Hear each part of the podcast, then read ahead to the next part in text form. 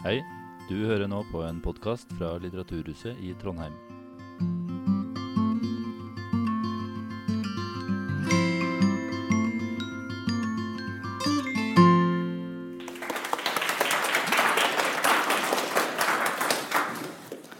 Tusen hjertelig takk. Håper alle hører godt og sitter godt.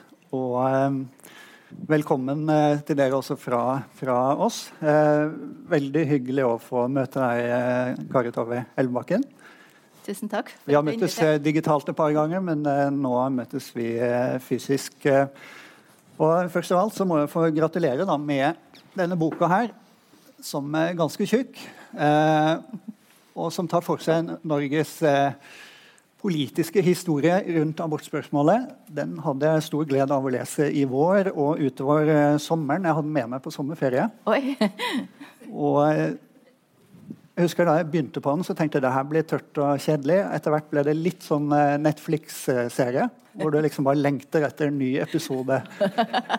Hvert kapittel var en ny episode for meg. Men eh, få høre litt.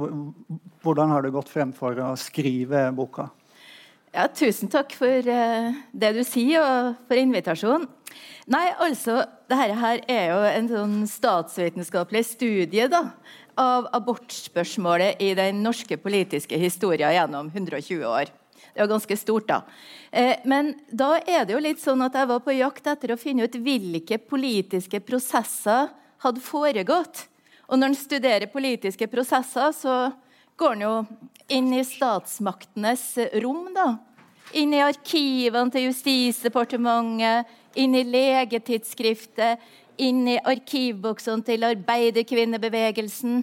Rett og slett på jakt etter å finne ut eh, hvilke prosesser har vært, hvem har vært aktørene, hvilke problemer er det som er blitt tatt opp gjennom all denne tida, og hva slags internasjonalt rom var det rundt diskusjonene om abortspørsmålet over tid. Så, så egentlig litt sånn standard undersøkelse av politiske prosesser, kanskje. Ja. Vi skal komme tilbake til mange av de tingene der. En ting som uh, overraska meg når jeg leste boka eh, fordi vi, vi har jo alle en litt sånn forståelse av eh, den politiske historien. eh, vi har mer eller, eh, mer eller mindre fulgt med i timen, kan du si. Men, men eh, Og så har vi et forhold til 70-tallet og selvbestemt abort osv. Men det jeg ikke hadde fått med meg, var at det var såpass stor politisk motstand mot selvbestemt abort etter at vi hadde fått eh, abortloven i 78. Og f.eks. et parti som Senterpartiet helt frem til 2001 eh, hadde i sitt program at de ønsket å reversere abortloven. Er det riktig å si at eh, abortkampen for kvinners rettigheter har vært venstresidens kamp? Ja, eh, det vil jeg si.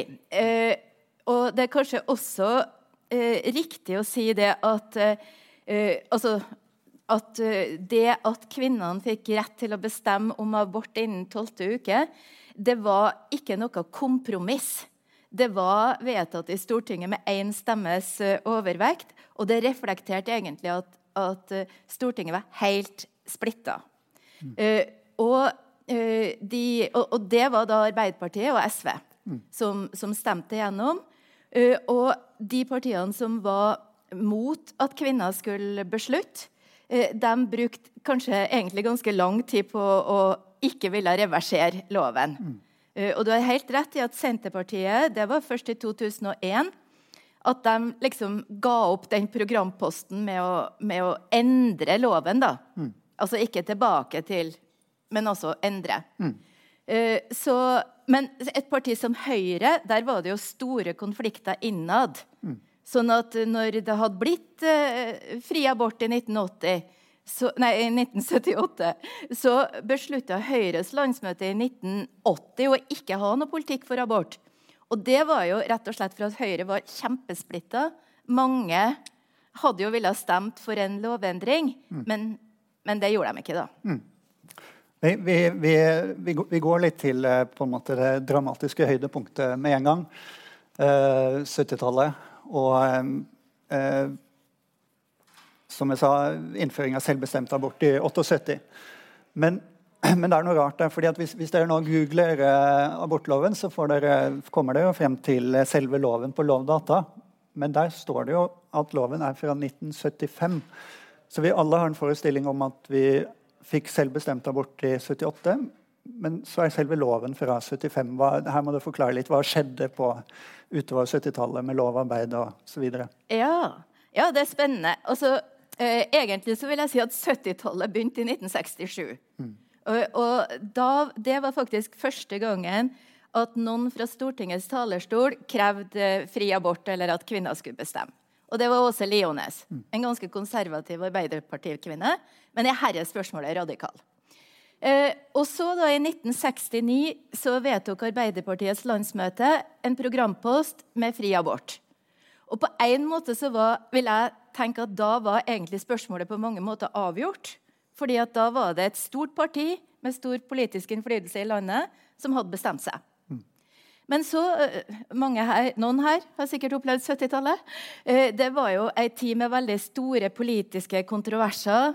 Eh, altså EEC-medlemskap, naturvern, kvinnebevegelsen. Altså, Kvinnebevegelsen begynte jo først å jobbe rundt 1970. Og da ble jo eh, kravet om fri abort viktig.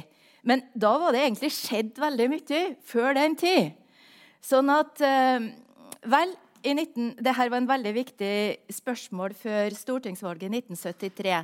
I 1973 så ble det da flertall av Arbeiderpartiet og SV med én stemmes overvekt. Men SV, eh, en av SV-representantene hadde, uh, stilt, hadde reservert seg mot å stemme for at kvinner skulle bestemme. Mm.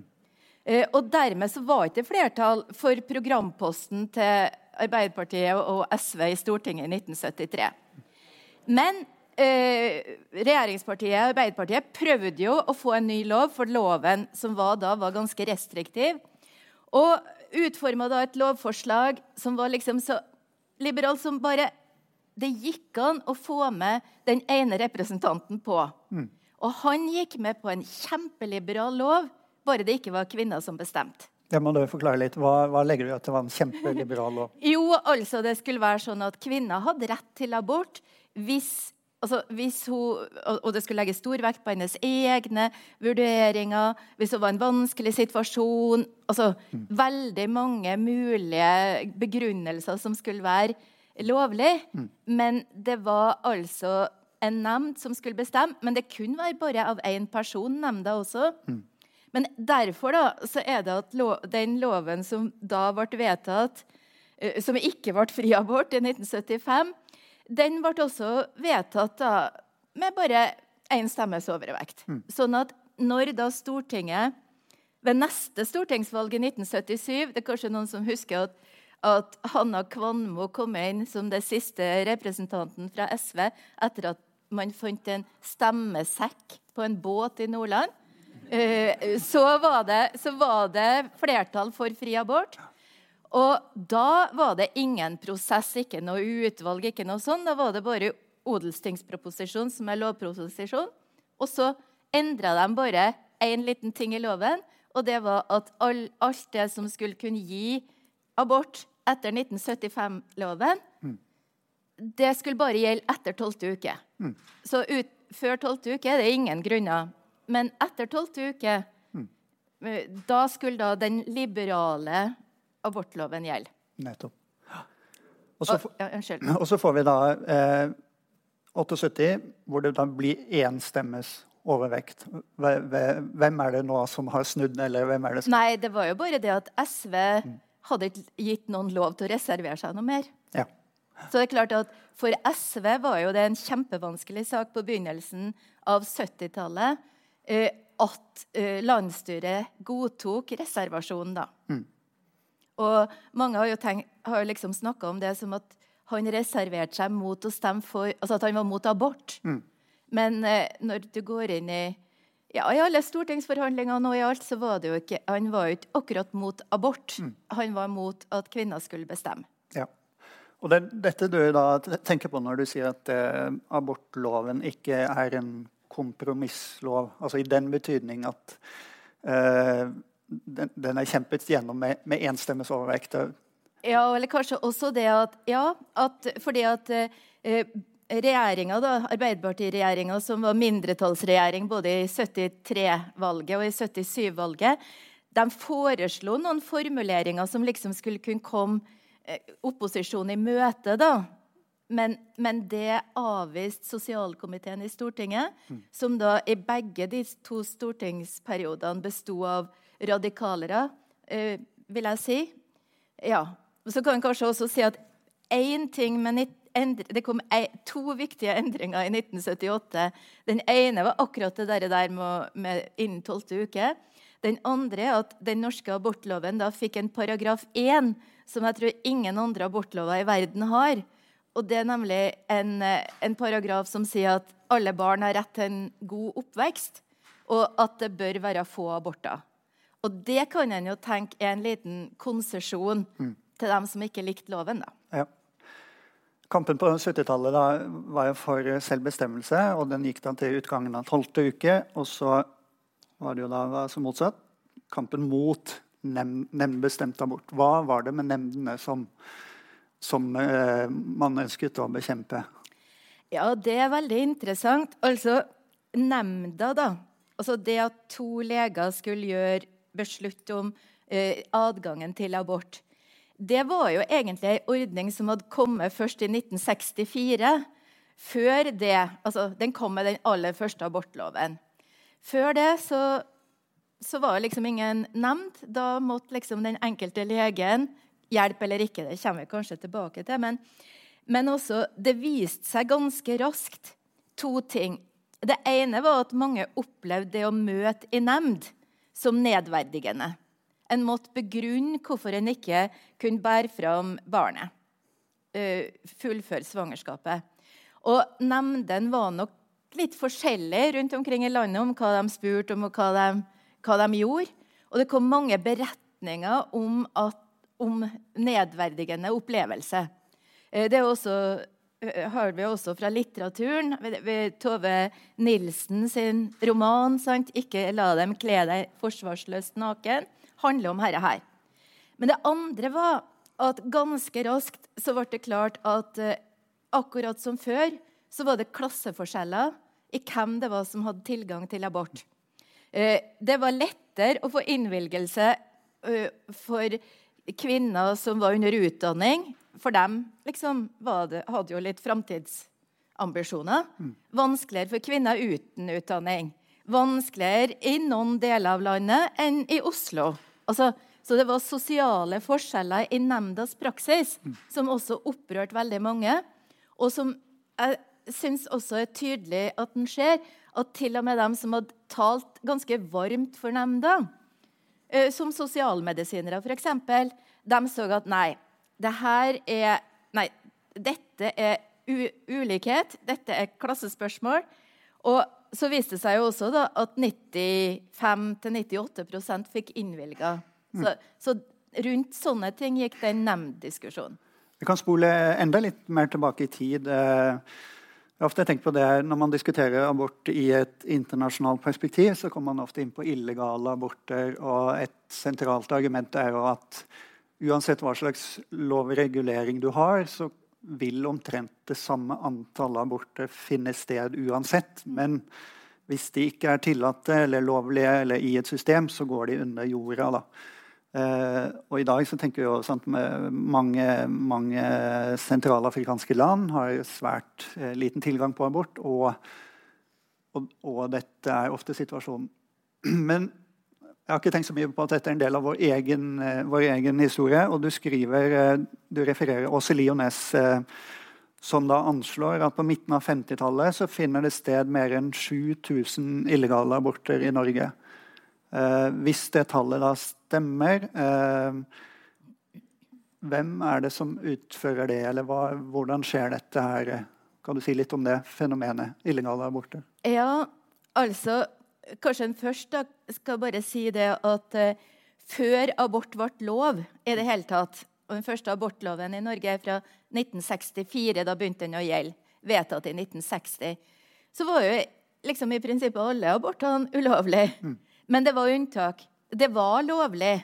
eh, etter en forskrift fra 1899 om at det, det var forbudt. Men hvis det sto om kvinnens liv og helse, så var det ikke ulovlig dersom legene innberetta det til helsemyndighetene. Så, så gikk det an. Og den bestemmelsen den sto jo da i over 60 år. Og, men hva det var som gjaldt for å være trussel mot kvinnens liv og helse, det endra seg over tid. Mm. Sånn at det var mange legale aborter, sjøl om det var ulovlig. Mm. Faktisk eh, var det mange flere Ti ganger flere legale aborter i Norge enn i Sverige. Mm. Det er en annen historie, da. Mm. Men det var de illegale abortene det var jo dem som ikke var innberetta. Ja. Og fryktelig mange av dem var jo utført av leger på legekontoret. Og veldig mange av dem var jo helt trygge og helt ordentlige. Legene kunne gjøre det enten av, ja, liksom sånt av solidaritet eller medfølelse eller for penger. Mm. Sant? Så, så mange, mange, av abortene var av den art. Mm. Og så var det jo altså, For å si det sånn Jeg tror ikke at det var altså Det fantes uh, damekunnskap om hva man kunne gjøre. Mm. Og mange ganger gikk det kjempefint, og det var ikke strikkepinner.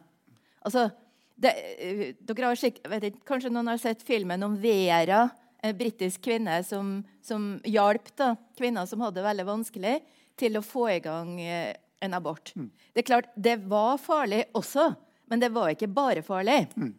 Uh, og så klart så var, det, så var det noen som ble ordentlig skada, og det var noen som døde, særlig under krigen.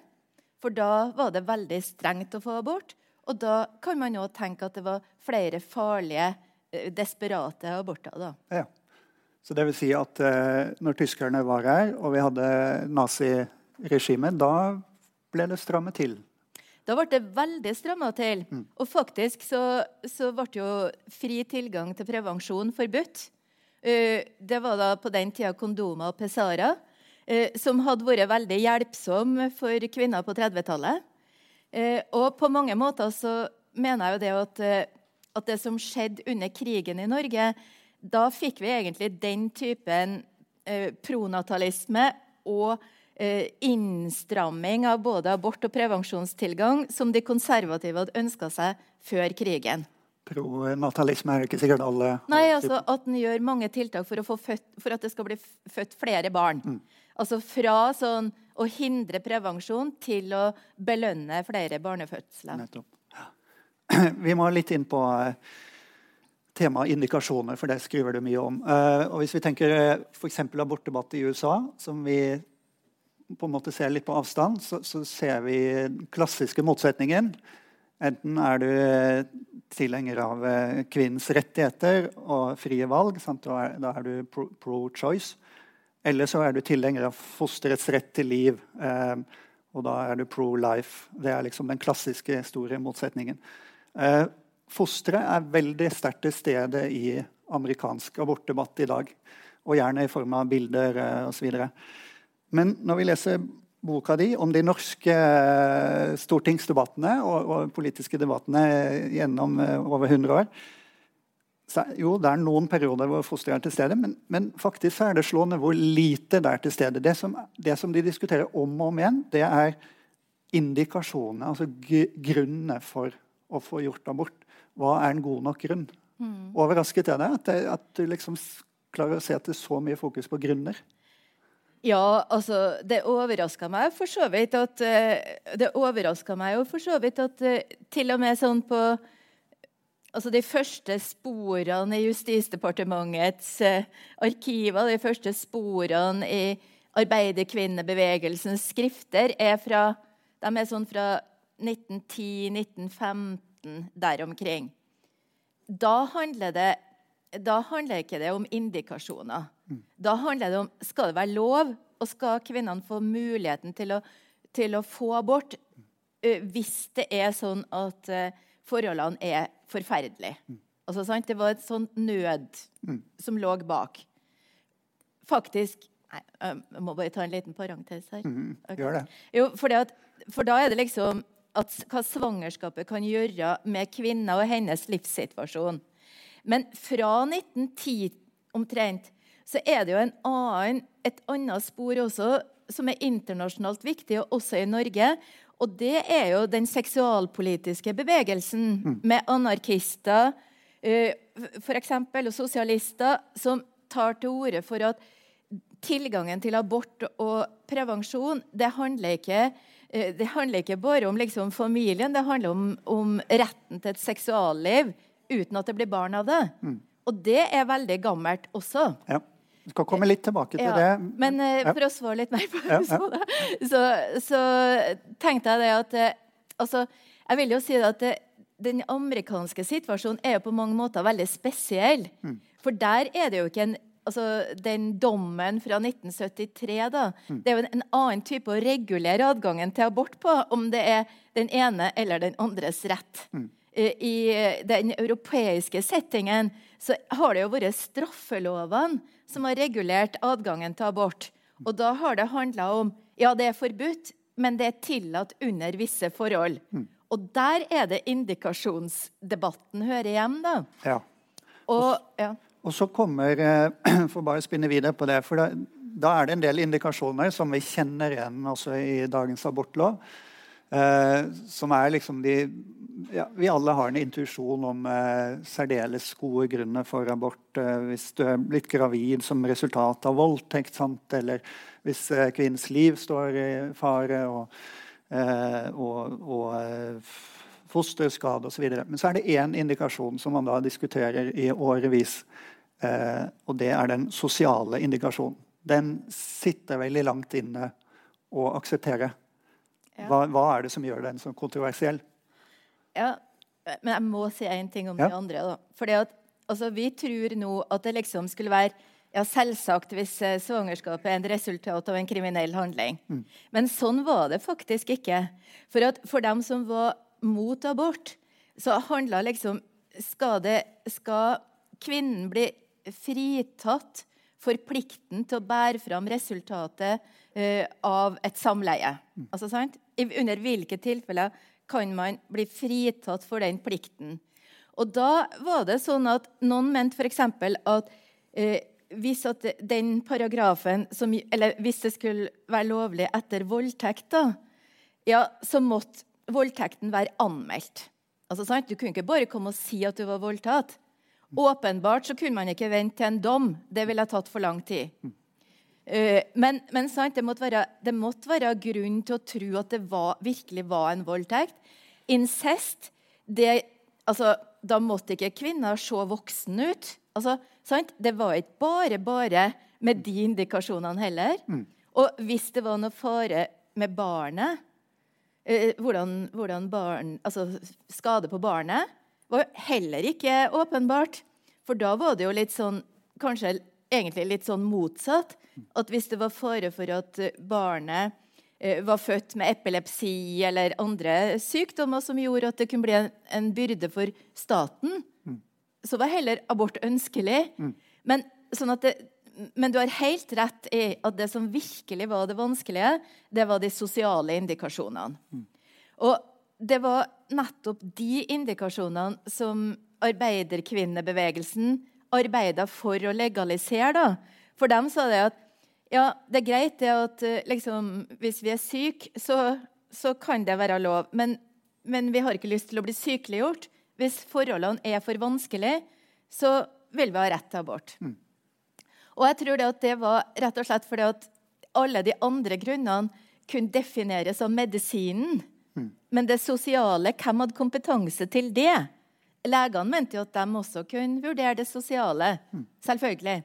Eh, men, men, det sto det liksom strid om, da. Så det sosiale var liksom Ja, hvor ille måtte det være, liksom? Noen var jo veldig liberal, sånn som en av de tidlige kristne kirurgene som var for en abortlovgivning. Han mente jo f.eks. at hvis svangerskapet var kommet i stand der kvinnen og mannen da var gift med noen andre, mm. da burde man av humanitære grunner mm. tillate abort. Mm. Så, så, det varierte jo litt, da.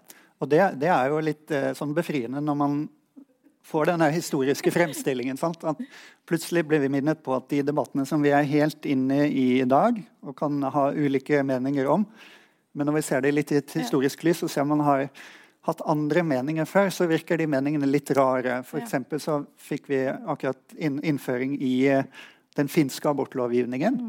Uh, I et møte jeg var på. Og der eh, kunne jo han Finn fortelle at uh, der var det da lov med sen abort på indikasjonen at du da var enten fylt 40 år eller hadde fire barn fra før.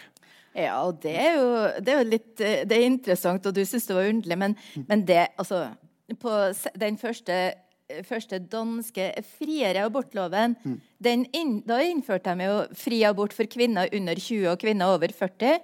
Uh, og det med kvinner over 40 regna man med var nesten ingen den gangen. Og det med under 20, de var så unge. Så, så det var jo liksom delvis fri, da. Så nei da.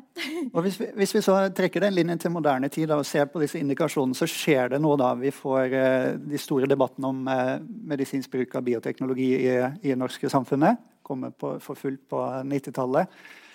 Og så oppstår da det noen kaller den nye abortdebatten. Kristin Clemet, eh, Kristin Halvorsen og Kristin Aase skriver en bok eh, om det. Og da er det disse abortene som utløses på basis av funn på eh, ultralyd og fosterdiagnostikk. De problematiseres. De blir vanskelig plutselig. Mens de ikke har vært vanskelig før hvis man hadde mistanke om at det var noe galt med fosteret. Sant? Da var det en god grunn for abort. Og på, når disse blir vanskelige, så blir også den sosiale indikasjonen plutselig mer allment akseptert. Er det en riktig fremstilling av eh, Altså litt både òg, kanskje. Ja, ja. Fordi at, eh, fordi at eh, Altså, eh, når det da uh, fra 1.1.1979 var opp til kvinner å bestemme innen tolvte uke, så var jo det irrelevant hvilken grunn det var. Altså, sant? Det var ingen som skulle spørre om hvorfor. Ingen som, altså, det var bare en rett. Eh, og da kunne det jo være at noen syntes grunnene var gode, og noen syntes de var dårlige, osv., osv., men det var irrelevant. Og så mye av den samme tenkninga eh, lå jo også til grunn for det nemnden skulle vurdere etterpå. da. Eh, og da var det jo til å begynne med sånn at de aller fleste nemndbehandla abortene var tidlig. Og altså egentlig en fortsettelse eh, av, det, av de gamle indikasjonene. da. Men jeg er enig med deg at det skjer et interessant skifte egentlig en eller annen gang. Og jeg er ikke helt sikker på når det skjer. Det skjer litt gradvis. Jeg tror det er Senterpartiet som først har lyst til å ta bort den paragrafen om at skade på barnet ikke skal være en abortgrunn. Mens den hadde jo da på 60- og 70-tallet blitt veldig viktig. Den første, altså Noe av det første som kom, var jo det at røde hunder kunne gi skade på barnet og, og ble en legitim grunn. Talodomid-skandalen på 60-tallet, der kvinner som hadde spist tabletter, mistan, kunne få misdanna barn, bidro også sånn. Eh, så, så så det er, det er egentlig et, et interessant skift, tenker jeg. Og, og det, eh, det er jo også Ja, men jeg tror det henger sammen med litt det der, der at, at, eh, at maktforholdet så å si endrer seg i 1978. da. Og så tror jeg kanskje én ting til, og det er det at når, eh, når kvinnene får en rett til å planlegge sant, med når det passer eller når du vil ha barn, så blir det kanskje også en plikt til å gjøre det. Sånn at, at det liksom lager også en, en, kanskje noen forventninger om at, at, at du skal planlegge på en annen måte. Og dermed så, så blir også trekk ved det svangerskapet som du har, under, lagt under noen andre diskusjoner. Da. Ja. Jeg vil litt tilbake til eh, det du var inne på med prevensjon. Og det høres kanskje litt rart ut, for har eh, Man skjønner det er en sammenheng mellom eh, prevensjon og abort, men i dag vil jo de fleste ta for gitt at sammenhengen er den at om vi bare har god tilgang på prevensjon, så vil det jo få redusert aborttallet. Eh, Men det er en annen sammenheng som, eh, som kommer gjennom disse sidene, og som eh, har vært til stede i Særlig liksom, i eldre tider, men den er jo med oss ganske lang tid. Og det er at hvis du er veldig kritisk til abort, så er du også kritisk til prevensjon. Mm. Eller man, hvor det begynner, det, det, er vanskelig å si. Men hva, hva, hva er denne sammenhengen? Jo, altså, eh, altså Det var jo, det var jo altså, Motstand mot tilgangen til abort det var jo veldig mye knytta til altså, motstand mot uh, umoralsk sex. Mm. Altså, det var litt sånn at altså, for, for, dem som var mot abort, de var også mot prevensjon. For tilgangen til abort og prevensjon kunne motivere til seksuelt samliv uten at det ble barn av det. Mm. Uh, og, og, det var altså Langt inn på 70-tallet så ville jo f.eks. Kristelig Folkeparti ikke gi støtte til organisasjoner som drev med prevensjonsopplysning. Eh, de ville bare tillate prevensjonsveiledning til gifte kvinner. Det var nå én ting. Men til gifte kvinner som hadde legeattest på at de ikke tålte et svangerskap til. Sånn at, sånn at, det var egentlig altså, det, Frykten for et uønska svangerskap skulle, skulle føre til, en, til, gode familieliv. Nettopp. Rett og slett. Og da hadde verken abort eller prevensjon noe der å gjøre. Ja, så det, det er en slags det er en redsel for en slags uansvarlighet eller en usedelighet eller lettsindighet i i, i seksualliv og, og, reproduksjon. Du skriver jo mye om Katti Anker Møller også, en av, av eh, de veldig viktige kvinnene i, i, denne kampen. Men den første kampen hun tar, er jo for prevensjon og det å danne mødrehygienekontorer, som, hun, eh, som det ble kalt. Hun sliter rett og slett med å få leid et kontorlokale for disse mødrehygienekontorene for å kunne gi informasjon om prevensjon. Det, og der må hun ha støtte fra sin mann, ser det ut som, som da eh, har politisk innflytelse. Ja, altså eh, jeg er en, altså, Ja. ja.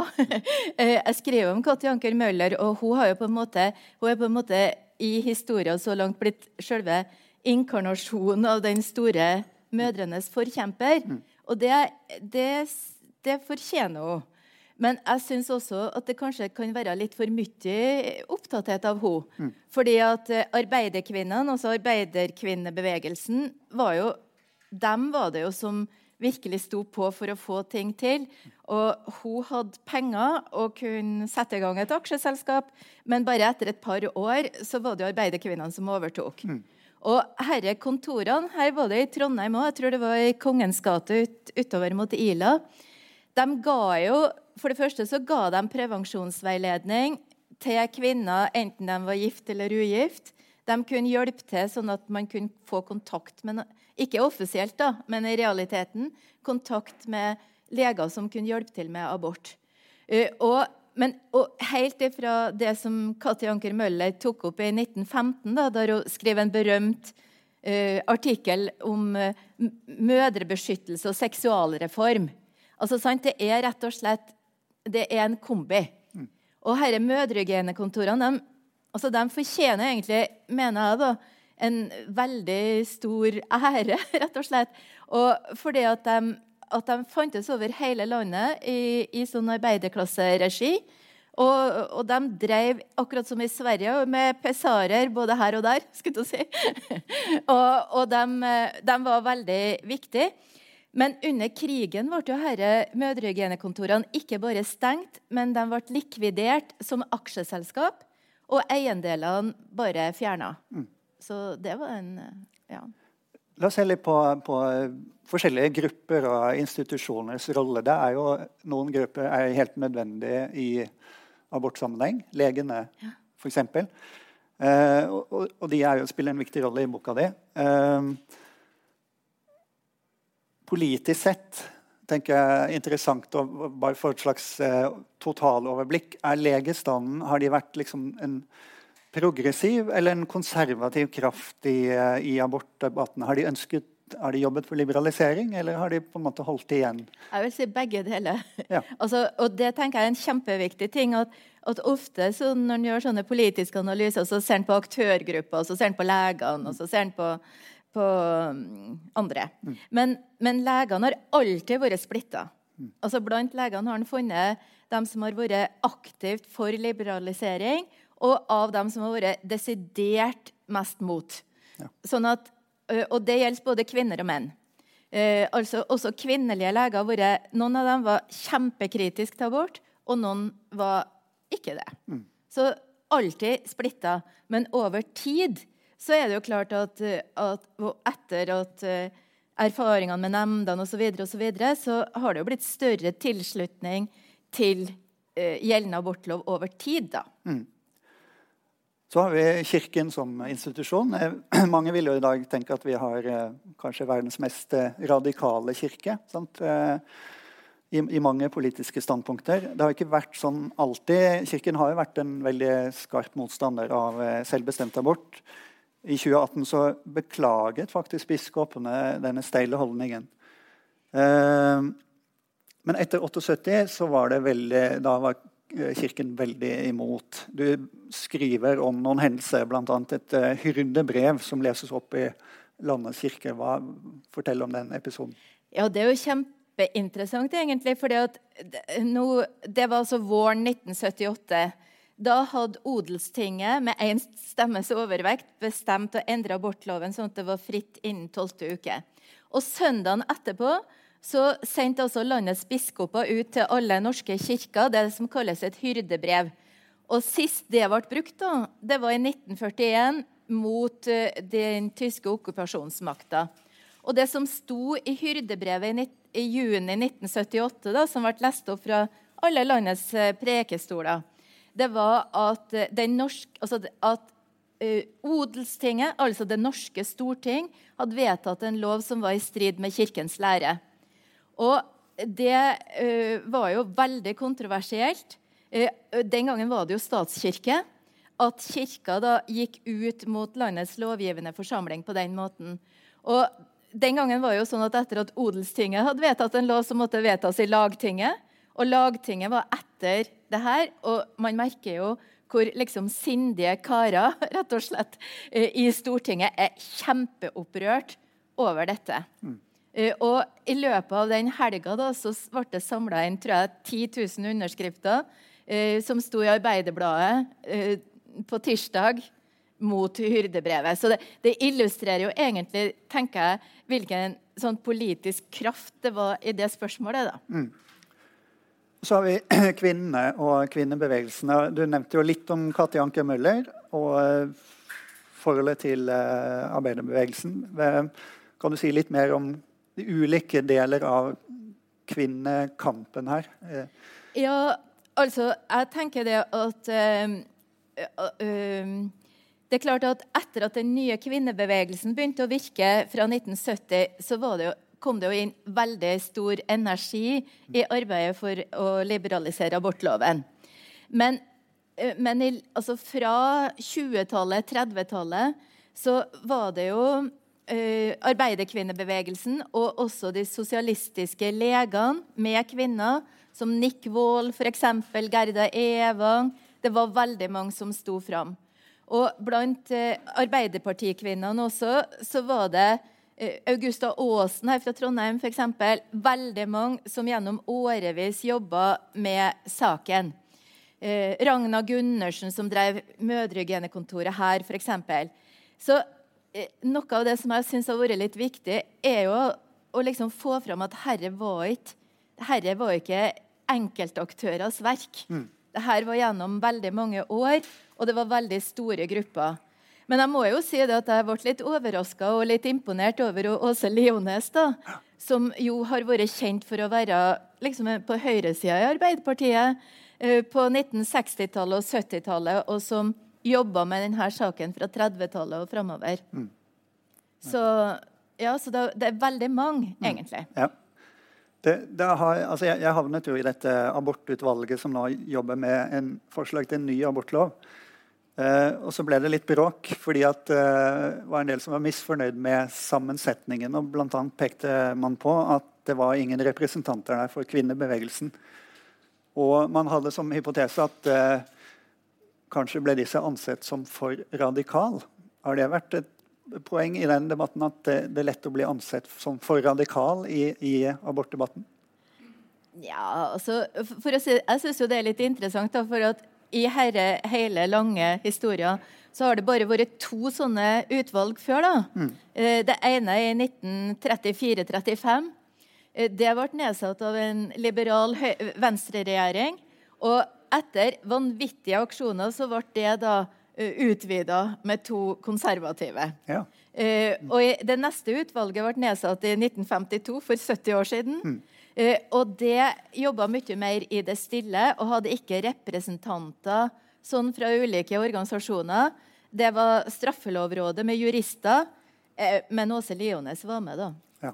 Så, men nei, jeg tror altså Sammensetninga av utvalg vil jo alltid bli diskutert, men det vil jo mest tenker jeg, bli interessant når eh, det leveres. Ja Eh, hvis det er noen som føler de har noe som de virkelig har lyst til å spørre om, så kan de jo markere med en hånd som vet om det er noen som sitter der ute og tenker på noe. Hvis ikke så kjører vi bare på videre. Og, uh, vi, er, vi har seks minutter igjen. og det er ikke bare Norge du skriver om i boka di. Du er opptatt av Skandinavia, ikke minst, og Norden. Jeg har lyst til å eh, bare i hvert fall rekke ett spørsmål til som jeg tenker er litt viktig. og Det er jo rett og slett det å skri skrive om et tema som er eh, politisk eh, og etisk kontroversielt. Eh, og du har jo en, en, en vitenskapelig holdning til det. Og Så vet vi at det er jo alltid stor debatt. Klarer forskere å være helt nøytrale, eller klarer man ikke? Eh, og du har jo fortalt meg at du, du, du på en måte var, var jo selv eh, voksen nok på 70-tallet til å være aktiv og, og engasjert. Eh, så i hvilken grad har du liksom klart å frigjøre deg fra egne, egen forforståelse eh, når du har skrevet denne boka? Er det, er det nøytral, eller er det et partsinnlegg? Nei, altså eh, Ja, altså det er rett at jeg var med i demonstrasjoner på 70-tallet for fri abort. Eh, så jobba jeg med andre ting i veldig Eller da var jeg jo student. Eh, men interessen og nysgjerrigheten for å ta fatt på arbeidet her nå, det handla jo mye om å prøve å skjønne hva det var som skjedde på, særlig på 30-, 40-, 50- og 60-tallet. Og det tenker jeg at eh, det tenker jeg går helt greit med de metodene og, de, og de, det arbeidet du gjør, og de premissene du synliggjør som ligger bak. Det er jo ikke noe innlegg i debatten, egentlig, her i boka. Det er jo bare for å forstå hva som har skjedd. Ja, jeg har lest hele boka. Jeg slutter meg til det. Eh, nå har vi 20 sekunder igjen, og da tenker jeg at det naturlige spørsmålet er eh, alle bøker som har et sånn historisk blikk, så tenker man hva, hva kan man lære av historien? Nå er vi i en fase hvor vi skal skrive aborthistorie på ny. Eh, har, du, har du noen sånne ting du mener vi kan lære av den historien du har gått gjennom? Ja, jeg tenker at det er nyttig å, å lese hva det har stått om før. Og så tenker jeg at alle lover altså Det er jo en lov dere skal foreslå. Og lover må regulere hva som er lov og ikke. eh, og, og under hvilke betingelser. Så, så jeg ser fram til eh, lovutvalget, da. Det tredje i historien. Den åttende prosessen. Så da skal det bli artig å forske på det. Og da blir det et nytt kapittel i Ja, den her? da blir det Eller det kanskje, blir, det blir kanskje sesong to. ja, kanskje Ja. det. Klokka er kvart på, dessverre. Eh, Kari Tove Bakken, eh, tusen takk for veldig hyggelig samtale, og takk til dere. Tusen takk.